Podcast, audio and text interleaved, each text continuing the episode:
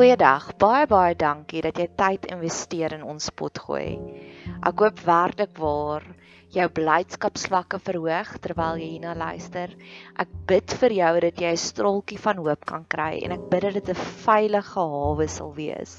'n Sanctuary terwyl jy tyd spandeer hier op ons potgooi kanaal. Ons het 'n baie aktiewe sosiale media platform. Jy is welkom om ons te gaan opsoek op Facebook of Instagram en ons is op YouTube ook. Jy is welkom om kontak te maak deur enigiets van daai kanale. Bet Seber is ons naam. Dit staan vir huis vir huis van hoop. En ons geniet dit wanneer mense deel raak van ons gemeenskap. So indien jy enig op enige manier wil deel raak van ons gemeenskap, stuur asseblief vir ons 'n boodskap hê. Ons kom Vrydagoggende bymekaar en dan gee ons bietjie vir mekaar liefde, sissie liefde. Jy's welkom om deel te raak van ons gemeenskap deur om hierdie potgoeie te deel met jou vriende en familie of jy kan lekker kreatief raak om deel te raak van ons laat daai kreatiewe juices bietjie vloei. Ek het op nou onlangs gehoor van 'n ander potgooi kanaal wat vertel het die persoon het vir haar koek gebak om hulle verjaarsdag te vier. So laat jou kreatiewe juices vloei. Ek hoop jy geniet hierdie kuiertjie op ons potgooi kanaal.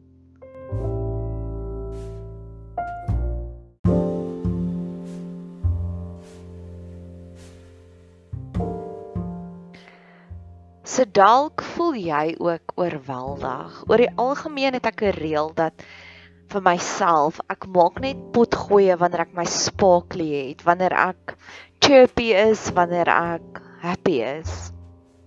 Maar vanoggend gaan ek my reël breek, 2, dalk 3 potgoeie, want ek is nie sparkly nie en ek dink daar's baie mense daar buitekant wat ook nie nou hulle sparkly het nie, wat nie hulle sparkles en glitter het nie wat oorweldig voel, wat voel ag, oh, hierdie pandemie hou net aan en aan en aan en alles is net nie lekker nie.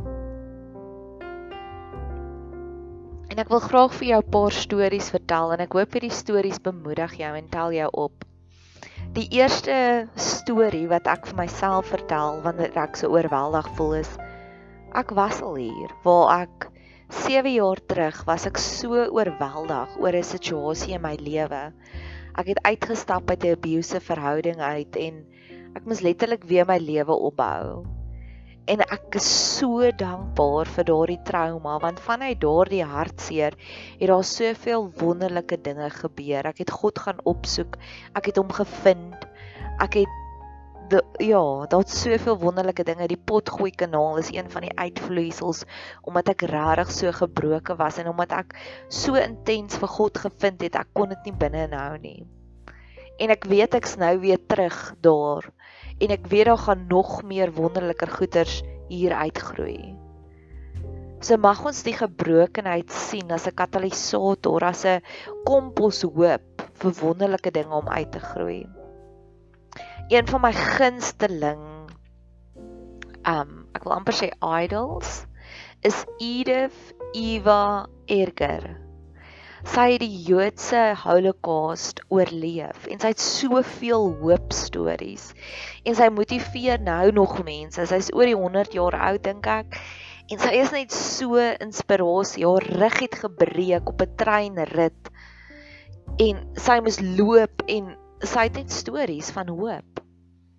En ek weet juis nou in hierdie pandemie waarin ons leef, waar ons so oorweldig is, weet ek daar gaan Edith Eva Eger opstaan en ek hoop die Here vind my waardig genoeg om 'n Edith Eva Eger te wees aan die ander kant van hierdie pandemie. Partykeer skryf ek in Engels, partykeer skryf ek in Afrikaans. Ek's eintlik meer 'n skrywer as wat ek 'n potgooier is. Maar ek hou daarvan partykeer om te praat ook. So ek het iets geskryf verlede week. En dis ongelukkig in Engels, maar ek sal dit copy and paste in die onderhoek sit. I think I feel it now at last. The feeling of being a hostage, a captive in a mad world, surviving a pandemic for 44 weeks. Obviously, our talks are surrounded by grief, sorrow, and the mortality of man. She left early, our visit leader, because the talks were just too gloomy. Was she the smart one, I wondered? Run, run, running away from the sorrow. I wonder how long we need to sit in it. How long is enough to sit in the sadness? Will we ever be happy soon? Even the host's husband commented, commented on the fact that we were quiet. Yes, we are somber and possibly sober too. We joked. We missed the W in our W, the wine. But was it it? When can we say we do not want to play anymore? When can we say we quit the game? As the current level in COVID saga crash just is too hard. We tried to be positive. We tried saying we will not fear it. But when can we say when? When can we say we've had enough? When can we say we just want to love with abandonment again?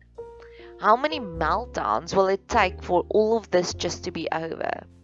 Where do we hit the fast forward button? When will the Savior sweep in and kill the villain? Yes, I know. I acknowledge the fact that we live in a broken world. It's only God's saving grace, God's mercy, that we do not have a constant pandemic. Our last pandemic was a century ago, but can we track the emotional toll it is taking on us the same way as we do with the current COVID statistics? So ja, baie keer voel dit oorweldigend om in 'n pandemie te lewe. Ek en my vriendin het gister het ons hierdie oomblik gehad van sy was salkie en sy het rede gehad om salkie te wees. Haar seun is in matriek en sy besef en dis haar eerste kind in matriek en sy besef hy gaan waarskynlik nie vat die huis hê nie en sy besef dalk gaan hy nie matriek afskeid hê nie en sy besef dalk gaan hy nie matriek vakansie hê nie en sy het my deurgestuur ek voel aaklag en sy sê dis hoekom en ek sê ek voel ook aaklag ek dink ons moet 'n ugly cry doen want Oprah Winfrey noem die ugly cry wanneer jy emosies heeltemal oorgee. En sy het gesê ja dis reg. En gister was die eerste keer wat die drankwinkels weer vir 3 weke of vir die derde keer oop was. En ek het eintlik wanneer was in die middel van die dag het ek vir, vir ons gaan wyn soek maar daai non-alkoholiese wyn omdat dit die middel van die dag was. En ek stap so in die drankwinkel tussen die wyne en daar's 'n bottel Angel Tears wyn en ek sê dit is die een. En ek het hom gekoop en ons het gesê ja, dis ons Angel Tear middag. en sy sê vir my sy sukkel om dinge te hanteer. 3 maande terug sê sy dinge baie makliker hanteer het as wat sy heidaglik dinge hanteer. En sy sê, daar's nie een groot ding wat in my lewe verkeerd geloop het nie. En ek sê, ek voel presies dieselfde. Daar is niks een groot ding wat verkeerd geloop het nie. Maar ons voel net tans, ons kan nie dinge hanteer so maklik soos wat jy dit 3 maande terug hanteer het nie. Sy sê ja, die drankwinkels is nou weer oop, maar hoe lank gaan dit weer oop wees en dan gaan ons weer al wees? Dis daardie konstante loop Dis nie meer die eerste keer wat ons hier is nie. Ons dis nou al die derde keer.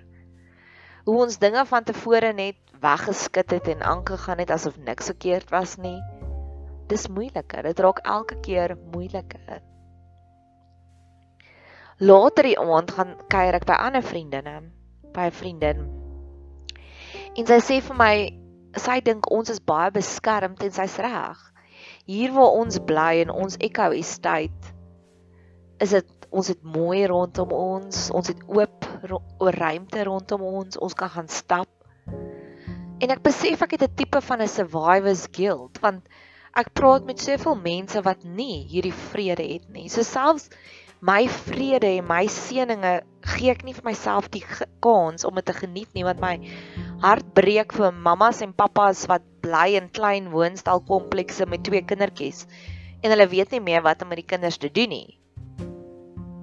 So die survivor's guilt is ook hier en die feit dat ons nie meer dinge kan hanteer soos wat ons dinge kon hanteer het in die verlede nie. Ek glo met my hele hart ons het 'n blydskapstenk binne in ons en ons het 'n liefdestenk binne in ons. En ons moet konstant seker maak dat ons blydskap tank is vol en dat ons liefdestank is vol. Maar ek kan nie help om te dink as ons sulke tank, sulke reservoirs, sulke damme binne in ons het nie, het ons nie 'n nonsies tank ook nie. 'n Tank wat as hy leeg is, is dit oukei, okay, dan kan ons aangaan, maar ek dink al hierdie geakkumuleerde traumas, hierdie oomblikke waar ons besef ons kinders gaan nie 'n matriekvakansie hê nie, gooi in in daardie nonsies tank. En dan kom daar een laaste ding en dit maak jou heeltemal flip. En ek wil graag vra Here, kom maak asseblief my nonsies tank leeg. En maak my blydskapstank en my liefdestank nog voller want ek het 'n dubbele porsie tans nodig om regtig waar ongedeend hierdeur te gaan.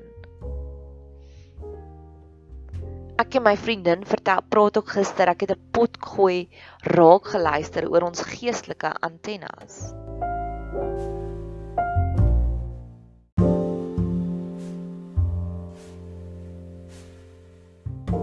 So die geestelike antennes storie werk so. Ons almal word gelei deur die Heilige Gees.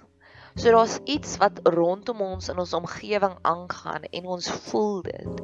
En sekere mense is meer sensitief daarvoor. So wanneer daar 'n geestelike antenne en 'n geestelike mens is wat baie sensitief is, dan voel ons die hartseer in die wêreld aan. En 90% van die tyd love ek die feit dat ek 'n baie sensitiewe gees is. Maar as een week van die jaar kom ons sê wat dit regtig te veel raak en ek dink ek is nou op daardie kruin van daardie dit raak te veel. So oor die algemeen is 'n geestelike antenne en om hierdie blydskap te hê wat jy nie kan beskryf van waar af dit kom nie, is 'n wonderlike seëning. Maar in oomblikke wanneer ons leef in 'n pandemie, dan raak die las te swaar en jy voel die hartseer van die wêreld aan. My een ander vriendin wat ook baie geestelik aangeskakel is, vertel vir my sy gril tans vir haar foon. En ek en my vriendin het ook gister daaroor gepraat wat ons ook sê ja, depressing stories op ons fone is ons erg. En 'n week terug het ek 'n potgooi gemaak oor hierdie lewensreis wat ek op was met my foon het gebreek. En ek kan nie help om die to connect the dots nie dat daar is ons gril tans vir ons foon want ons foon partykeer is hierdie boodskapbringer van slegte nuus. Ek wil dit oorgee in die Here se hande dat ons lewe soos ek geskryf het verlede week in 'n mad mad world. Ek dink almal is so face foos en ek het al keer op keer gesê sommige mense is beter akteurs as wat hulle sprekers is. In plaas daarvan om te sê hulle het eina druk hulle dit eerder uit. Hulle hulle act it out. So hulle doen snaakse goed en in die wortel van waar die probleem is maar eina. Twee dinge wat my gedryf het gister om heeltemal oorweldig te voel was twee mense wat onnatuurlik gerush was oor simpel dinge. En ek het eers oorweldig gevoel daardeur en later het ek besef o, maar dis hulle wat ek maar net op 'n slegte plek staan. Die een het gegaan oor nuwe werksuniforms en in plaas daarvan dat ek vir 'n dag lank daaroor kon dink, moes ek gister die besluit gemaak het binne 10 minute. En ek haat dit. Ek hou nie daarvan as mense my druk plaas om te sê maar besluit nou nie. Ek wil dinge oor dinge dink.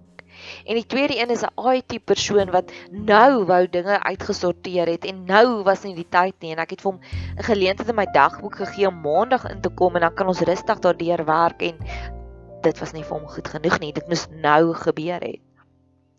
So ek dink daardie feit dat mense dink mense druk om nou 'n besluit te maak is 'n refleksie van ons voel oorweldig. Dis die emosionele tol wat dit eis. Ek hou van hierdie quote van if you don't heal what's bleeding you will bleed all over people that didn't hurt you. En ek dink dis wat ons oral nou voel, is ons voel daardie onnatuurlike druk van almal anders want Hulle pause nie om te gaan sit en te gaan dink waaroor is ek hartseer nie. En dis my gebed om met hierdie pot gooi is om te sê Here, hierdie is die dinge wat vir my onbeheerlik is tans. En ek wil nie meer hier wees nie. Ek wil spakels en glitter wees. Ek wil potgoeie maak oor Jesaja en ek wil liefdesbriefies skryf oor agape. Maar hierdie dinge raak vir my 'n bietjie te veel tans. Mense is face foes. En elke keer wanneer ek uitgaan in die wêreld dan ervaar ek al hierdie negatiewe dinge.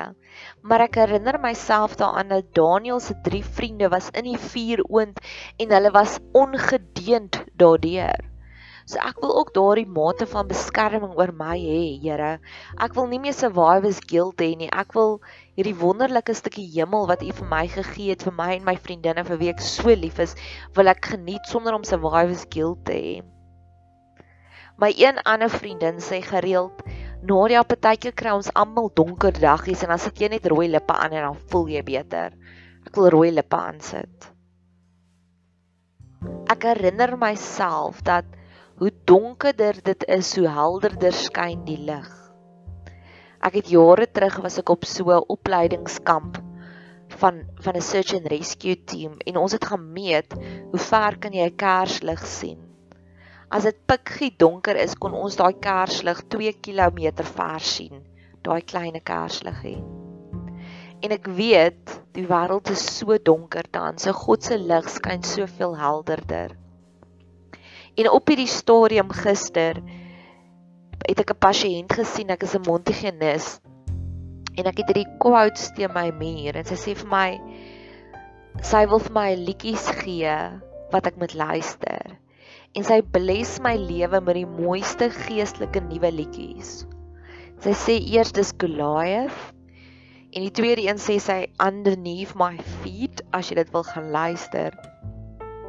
En die derde een het regtig vir my wêreld geruk op 'n positiewe manier. Want aan die begin van elke jaar kies ek 'n woord. Verlede jaar was dit easier of makliker. Hierdie jaar is dit letting go. En haar derde liedjie is letting go. En ek sê Here, dankie. Dis 'n bevestiging van my woordjie vir hierdie jaar. En my ander vriendin wat wat gister verjaar het en verlede jaar het ons vir die mees magicalste verjaarsdagpartytjie gegee. Totaal en al onbewus van die jaar wat vir ons voorlê. Dit was die laaste groot partytjie wat ons gehad het voor lockdown. En sy vertel vir my en sy love kersse. Sy het 'n ding vir kersse.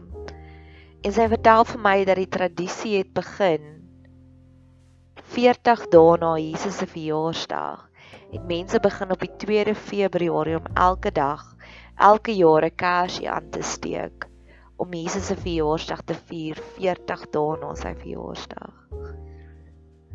En dit bevestig net weer hoe donker die wêreld is, hoe helder skyn die liggie. En dis waarna ek op soek is. En in oomblikke soos gister waar ek oorweldig voel, het ek gister besef mense help. Ek het soveel joy en soveel blydskap gekry by my een vriendin en toe later by my ander vriendin ook. Ja, ek hoop hierdie pot gooi help jou. En ek hoop daar's 'n opvolg waar kan sê dis hoe die Here my oorweldige gevoelens kom adresseer het. Dis oukei okay om soms oorweldig te voel.